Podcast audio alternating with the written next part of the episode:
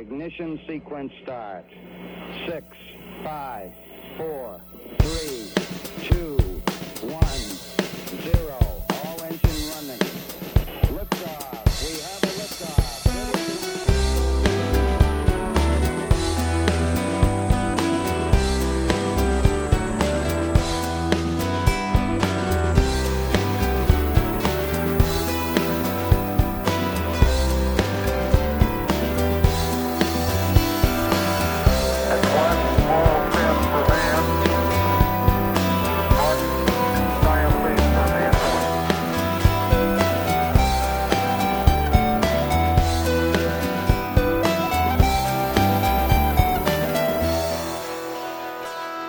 Välkommen till februariavsnitt av Slottspodd som är ett poddradioprogram ifrån Slottsskogsobservatoriet i Göteborg.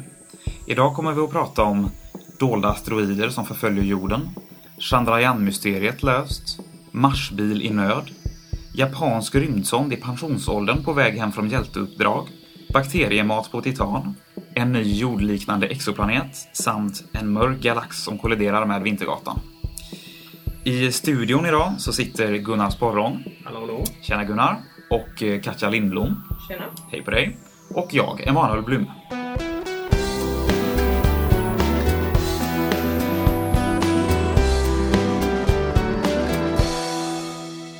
Dolda asteroider förföljer jorden. I januari, faktiskt den 13 januari, så passerade en asteroid mellan jorden och månen i sin bana runt solen. Det var ingen stor asteroid, så det är inte något att oroa sig för direkt. Den var 10, 10 meter tvärs över. Så att en sån asteroid, om den skulle ramlat ner på jorden så hade den exploderat en bra bit ovanför markytan och sannolikt inte gjort någon större skada. Det roliga var med den här att den här upptäckte man faktiskt innan, vilket är rätt ovanligt för de här små asteroiderna för att de är snabba som tusan och de eh, gömmer sig oftast i eh, en bakgrund av väldigt mycket stjärnor. Men den här upptäckte man två dagar innan.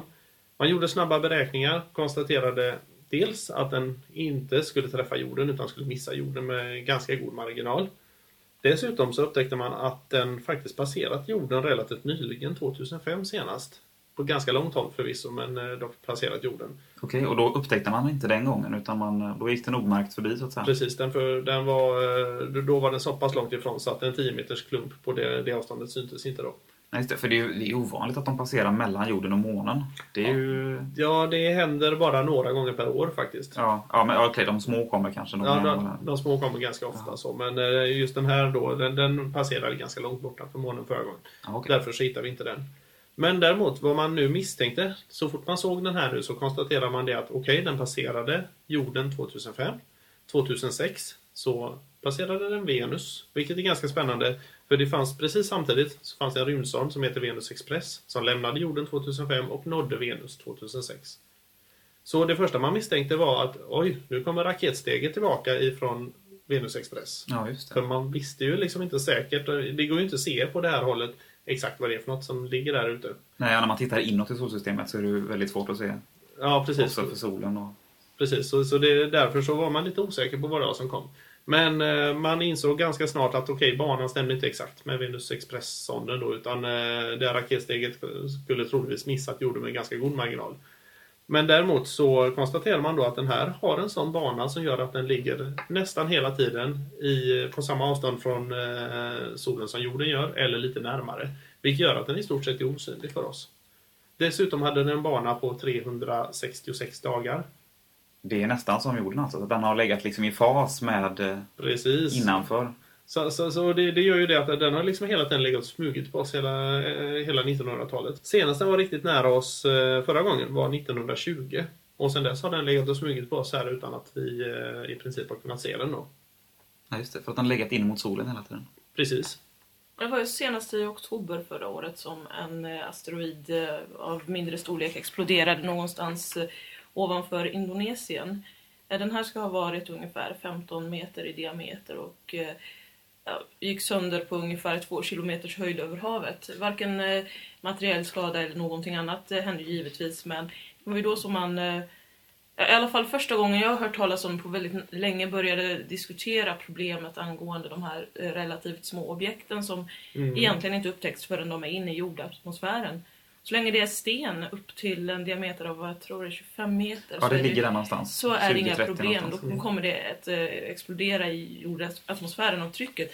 Men metall däremot, eh, det är ju ingenting som säger att bara för att eh, eh, rymdstenarna skulle ha en högre eh, halt metall i sig, att vi skulle kunna upptäcka dem lättare för den saken, skulle Nej. snarare tvärtom. Mm. Däremot skulle de kunna åstadkomma mycket större skada. Just det, i, i och med att de är så pass sega. Jag menar metall, det, även om den upphettas väldigt mycket så har det ju en helt annan konsistens. Stenen bryts sönder, det gör ju inte metallklumparna. Så att de är, de är ju, och de är dessutom ganska vanliga. Mm. Ja, Det är därför det finns en meteoritsamlare som samlar just eh, metallmeteoriter. Eller de som samlar meteoriter har ofta mer metallmeteoriter än andra meteoriter. För de håller bättre helt enkelt.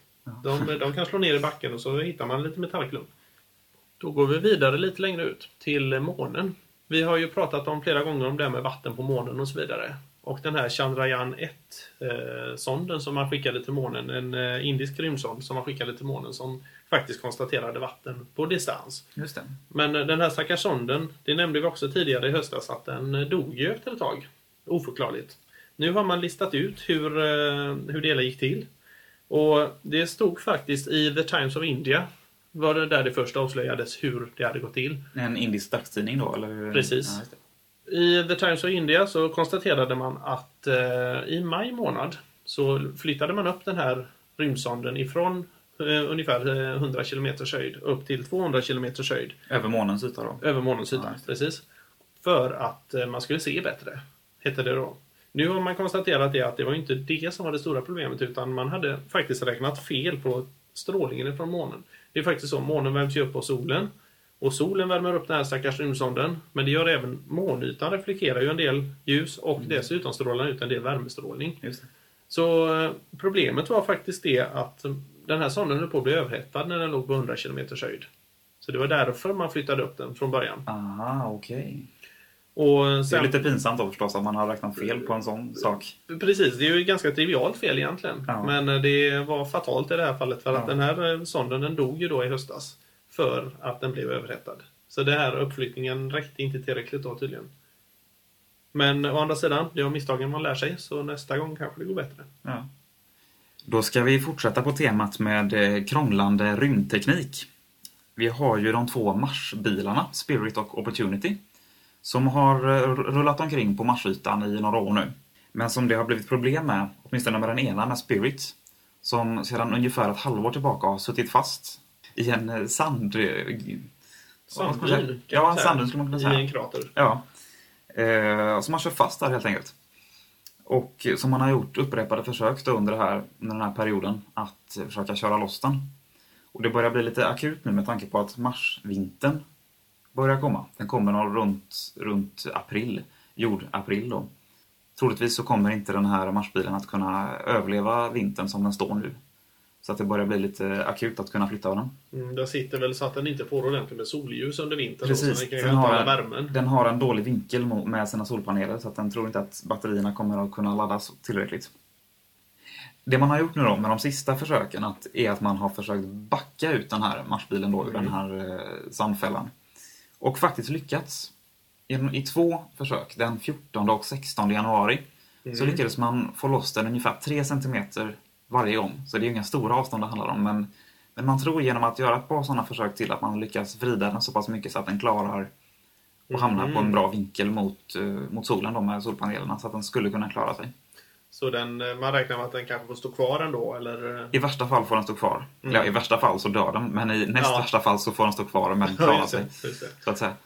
Men eh, ja, den har ju gjort en ganska bra tjänst ändå. Den, den fyllde sex år nu i höstas tror jag, eller i somras. Och det är inte illa för att vara skapad för tre månader. Nej, det kan man inte säga. Jag vet inte, den här Mars Pathfinder var ju den första som, de, som körde omkring där. Jag vet inte hur länge den klarar sig. Mm. Det som är det stora problemet nu då med den här Spirit är att de, den har ju sex hjul, tre på varje sida. Och det första hjulet, fram till höger tror jag, gick, eh, stannade, det fastnade helt enkelt. Någon gång i, för något år sedan. Så att den har kört på fem hjul ett tag. Men nu har även det bakre högra hjulet Ja, eh, ja, ja. gått i lås. Så att stora problem med att köra med bara ett hjul på högersidan då. Precis, och frågan är om de ens kan hissa upp de här hjulen så de, är, de overksamma hjulen eh, försvinner utan kommer att släpas i backen, är jag rädd för. Mm. Det finns risk för det. Men det kan, det kan ju å andra sidan innebära fördelar också. Mm, Ja, just det. Hörde jag. Mm. Hur var det med det där? Det var... Jo, den, när det första hjulet pajade så eh, fick man ju, man kunde inte köra framåt längre. För att det låg i vägen och eh, tog i backen. Så att då backade man rovern. Och den har backat nu runt omkring på marsytan ett bra tag. Med resultatet att eh, det här hjulet skrapade upp ett spår efter sig. Och, eh, I gruset. I gruset, precis. Och där upptäckte man en vit fläck vid ett tillfälle.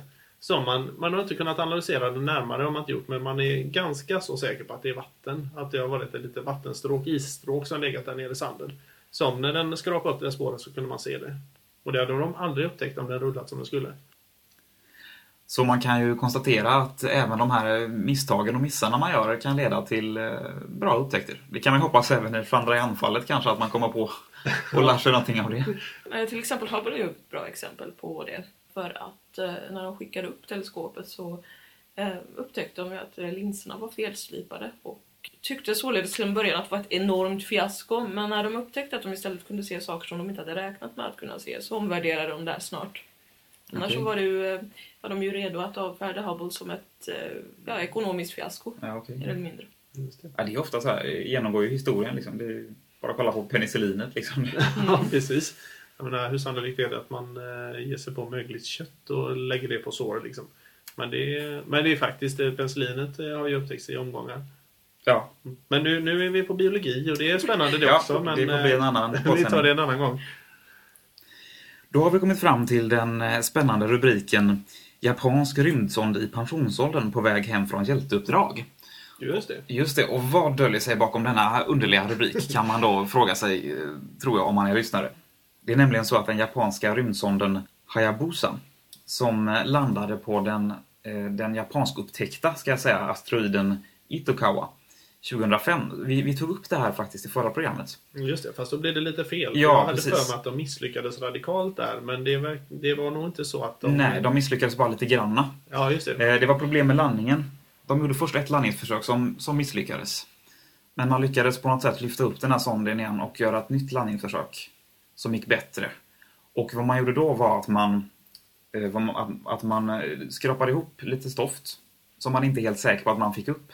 Men förhoppningsvis lyckades man få ihop lite asteroidmaterial med den här sonden. Mm. Och man lyckades även lyfta med den, trots att den var skadad. Så att den är på väg tillbaka mot jorden nu, men den är, mm, den är lite illa däran. Eh, Om jag har förstått det rätt så är två av de tre motorerna på sonden ur funktion. Men man lyckades koppla ihop de här två trasiga motorerna och lyckades på något sätt kompensera det så att man fick två, man fick ihop det till en motsvarande en fungerande motor. Så nu har man alltså två av tre fungerande motorer? Ja, kapacitet motsvarande kapacitet. två av tre i alla fall. Okej. Om man lyckas återföra den här till jorden, i så fall så får man hem den någon gång vid juni 2010. Så kommer det vara första gången som man eh, fysiskt samlar hem material från en asteroid. Vilket kommer vara en, ja, Mycket intressant. absolut, det kan vara mycket spännande det som man inte har aldrig fått tillfälle att studera innan.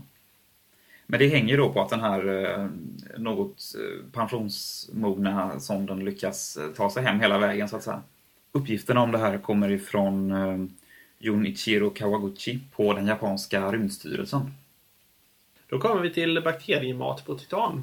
Vi har ju pratat lite grann om att eh, titan som måne är ganska så lik eh, jorden för ungefär 4-4,5 miljarder år sedan. Saturnusmånen Titan kan vi då tillägga. Saturnusmånen, ja precis. Saturnusmånen. Och nu har det kommit nya rön som antyder att månen har eh, de här sjöarna eller haven som vi pratade om I förra, förra- programmet, Mm. som Emanuel nämnde. Där har man också hittat acetylen. Och acetylen, på jorden använder vi det att svetsa med, det är inte så himla spännande. Så. Ja, just det, de här tuberna. Precis. Och däremot, ser man det ur en bakteries synvinkel så finns det ju vissa typer av de här extremofilerna som man kallar det, bakterier som trivs under extrema omständigheter. Som, använder, som kan använda acetylen så som vi använder socker och förbränner socker för att få energi. Så kan de använda acetylen, bryta ner det, omvandla det till koldioxid och på det viset få ut energi. Mat helt enkelt. Mat, precis. Ja. Nya data visar ju nu då att man hittat acetylen i de här metansjöarna på Titan. Så att eh, från att vara en måne som är relativt ointressant för liv så finns ju faktiskt vissa chanser. Jag menar om tidvatteneffekter kan värma upp lite, lite på djupet på den här månen så att man får temperaturer där det kan förekomma eller det kan bli några plusgrader. Du tänker på Europa och, och Ja. Ganymedes då? Till exempel, Ja. precis, där man har flytande vatten. Och det, det kan ju vara också att det är ytterst tillfälligt av vissa årstider. Finns flytande vatten Mm. på, eh, inuti månen då. För Ja. på ytan är den 180 minusgrader så där är, det- där är det ju kört Ja. liv. Men eh, helt plötsligt finns ju faktiskt eh, fler livsbetingelser som är spännande. Mm, ja, verkligen. Titan har ju till den en av de få månaderna som verkligen har en, en atmosfär också. Ja, precis. Och den är dessutom lite tjockare än jordens, ungefär en och en halv gång så tjock som Mm. jordens. Så det är en ganska eh, ansenlig atmosfär. Och röd dessutom. Och röd. Bara en sån sak. Precis. Precis. Och det här eh, kommer ifrån eh, Daniel Cordier på mm, jag frånsäger mig allt eh, när det gäller uttalet här, men eh, École Nationale Supérieure de Chimie i eh, Rennes i Frankrike. Jag tror det. Ja, man har ju som sagt eh, hittat ytterligare en eh, så kallad jordliknande exoplanet. Upptäckten gjordes i eh, mitten av december och tillkännagavs strax före jul. Ja, okej. Mm. Vilken julklapp liksom. Mhm, verkligen. Och i synnerhet eh, blir den intressant av eh, det att den ligger bara 41 ljusår från jorden, alltså relativt nära. Så Mm, pass eh, nära. nära så att eh, till exempel Hubble kan eh, så småningom kommer att kunna avgöra ungefär exakt vad dess atmosfär består av. Atmosfären är bara en av de många sakerna som är intressant med den här stenplaneten som för övrigt är ungefär eh, 6,5 jordmassor och så vidare. Det är inte farligt stort ändå. Nej, Men, den är Nej. ju ganska massiv så. Det är bland de absolut min- men det är ändå bland de absolut minsta planeterna man har hittat utanför solsystemet. Ja, precis. Eh, Den är väl något större än eh, Corot 7b som man upptäckte Ja, i för den var väl fem februari. jordmassor eller något Ja, precis.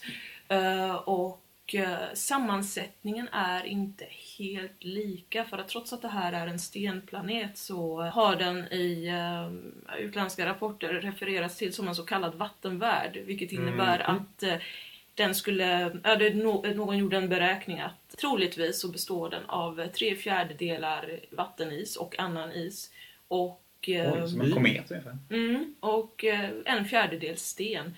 Men till historien hör ju att den ligger ganska nära sin eh, stjärna, ungefär eh, tror jag det var 65 miljoner kilometer bara. Stjärnan Oj. är en liten röd dvärg. Vad innebär det om man jämför med, jord, med vårt solsystem? Är det ungefär som Merkurius? Eller? Eh, ja, eh, Merkurius har ju ett, eh, ett genomsnittsavstånd på, eh, vad var det nu, 67 miljoner tror jag. Ja, just det. Mm. Ja, så det är med, med andra ord väldigt, väldigt varmt på den här planeten och undrar hur sjutton kan is existera överhuvudtaget? Ja, det var intressant. Mm. Tänkte samma sak själv. Och eh, då misstänker man då att det rör sig om en speciell form av is som kallas för is 7.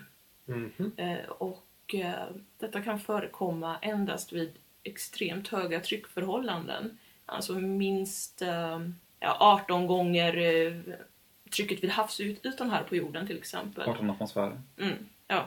Eh, och eh, den här planeten har en väldigt eh, tjock atmosfär. Eh, tjock och tät. Men är egentligen för liten för att eh, kunna bibehålla eh, all den här atmosfären. Så att vad, vad man misstänker är att det är en nybildad atmosfär som består av till st- större delen giftiga gaser. Mm. Eh, och eh, atmosfären i sig innebär ju till det extrema trycket vilket gör att än så länge kan de här, den här isvarianten existera.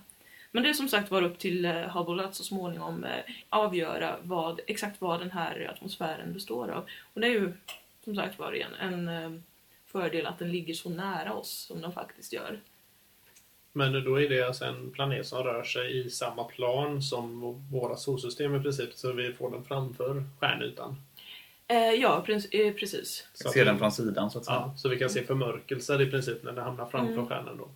Ja, det var ju så den upptäcktes. Nu eh, påminn mig gärna om vad den metoden hette för nu har jag glömt. Transitionsmetoden. Ja, Just just det. Mm. Jag kan väl dra lite eh, flyktiga data om själva stjärnan också. Den är ju som sagt var en röd dvärg och Mm. eh, går till endast eh, 3000 delar av so- vår sols ljusstyrka. Är vä- väldigt sval, eh, Mm. endast eh, 2500 grader.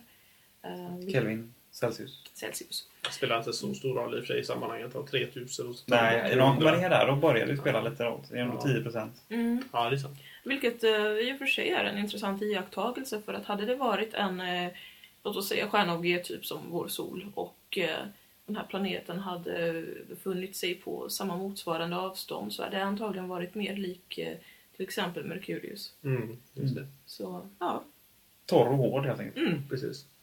Nu till ett helt annat fenomen. Vi har, eller rättare sagt man har upptäckt en eh, galax som faktiskt för tillfället håller på att kollidera med Vintergatan. Oh. Och eh, egentligen, om man ser det som vi hittills har sett det, så är det ett gasmoln på ungefär en miljon solmassor som håller på att kollidera med Vintergatan och det är inte sådär jätteovanligt. Vad man däremot konstaterat är att just det här gasmolnet ligger på en sån kurs, en sån bana, så att det har passerat förbi genom Vintergatan för ungefär 70 miljoner år sedan. Vi är Då- på väg ut ur Vintergatan nu alltså. Nej, utan har faktiskt kört ett eh, varv då så att det har, ligger en sån bana så att det har passerat Vintergatan och återigen håller på att kollidera just nu då. Så, att, eh, så, Jaha, så, då just, förstår jag. så just nu är det mitt inne i en kollision kan man säga. Mm. Och då kommer man genast till en ganska intressant eh, situation för att ett gasmoln, för att det, även om det är så pass tunt som en miljon solmassor, för att det ska hålla, överhuvudtaget hålla ihop för en sån kollision som det uppenbarligen upplevt för 70 miljoner år sedan, så kräver det en betydligt större massa. För det här gasmolnet borde i princip lösa upp sig. Och eh, nu har man räknat lite på det här och eh, datorsimuleringar antyder, dock datorsimuleringar så är det inget absolut svar, men antyder att det här molnet borde vara ungefär 100 gånger så stort för att det ska funka. Så alltså ungefär 100 miljoner solmassor för att hålla ihop för en sån här kollision. Då kan man ju fråga sig, var är, alla, var är resten av de massan som borde vara där? Kan Precis. Och, och då kommer vi till det här fantastiskt trevliga då som vi alltid kommer in i tycker jag på varje avsnitt att vi har kanske mörk materia återigen. Då? Ah, där har vi den igen. Precis. Så den kommer och går den här mörka materien. Och i fler och fler fall när vi tittar utåt eh, på fenomen i rymden så konstaterar vi ju det att det krävs mörk materia för att förklara de flesta fenomen. Särskilt just galaxkollisioner och sånt. Man har ju ganska nyligen också kunnat konstatera att eh, det finns, eh, det förefaller som om de allra flesta av dvärggalaxerna består av en fruktansvärd hög andel mörk materia. I eh, många fall så mycket som eh, 85 procent. Ja, Och ja, då kan man ju undra vad har den resterande materian tagit vägen? För att uppenbarligen så är det inte som man, tro, så, som, som man har trott hittills att eh, andelen eh, materia kontra mörk materia är proportionerlig till varandra i Mm. kosmos. Ja, det är ju, och det är ju ganska intressant just som sagt att för man har ju sett samma förhållanden vid många tillfällen.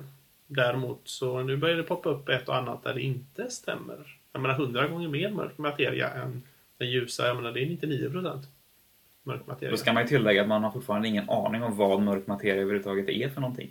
Precis.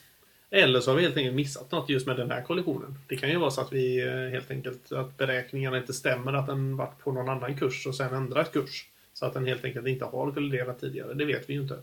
Förefaller som det blir mer och mer aktuellt att faktiskt ta reda på eller komma fram till vad gravitation egentligen är. Mm. Den lilla uppgiften ja. Oh, Ja, yes. precis. Men det lämnar vi åt någon annan att Ja. göra, tror jag. Då så, då vill jag lämna över ordet till Emanuel Blume som kommer att berätta om vad som händer på stjärnhimlen kommande månad.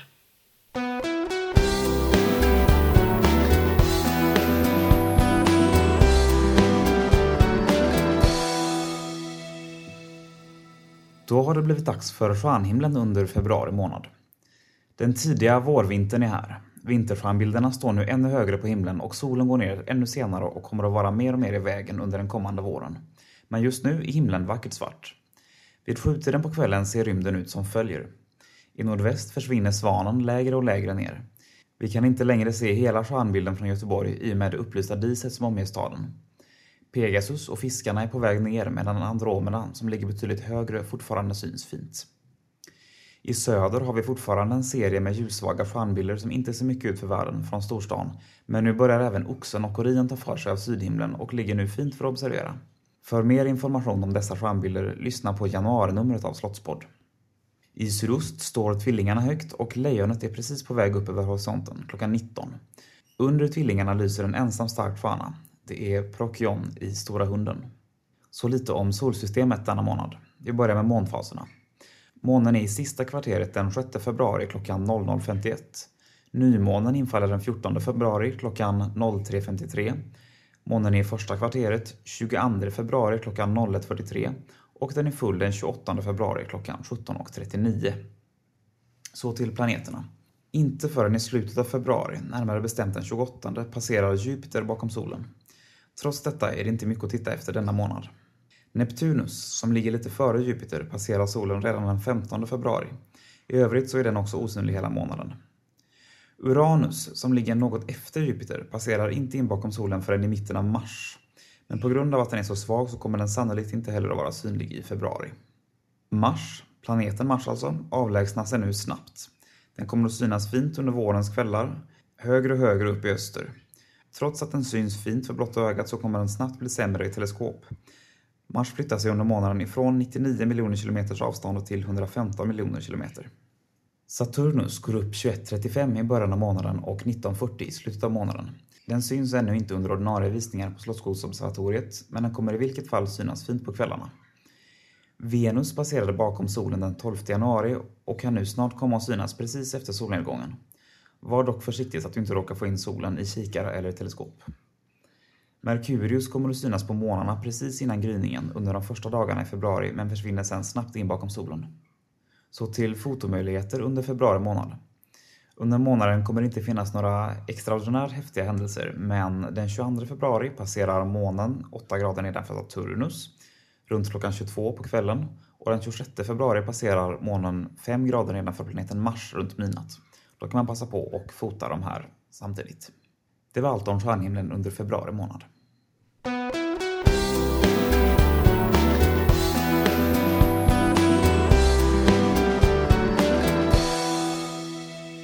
Du har lyssnat på Slottspodd som är en poddradiosändning ifrån Slottsskogsobservatoriet i Göteborg. Vi har öppet denna månad på onsdagar klockan 19 till 20. Då kommer vi bland annat att titta på planeten Mars och på Orionnebulosan.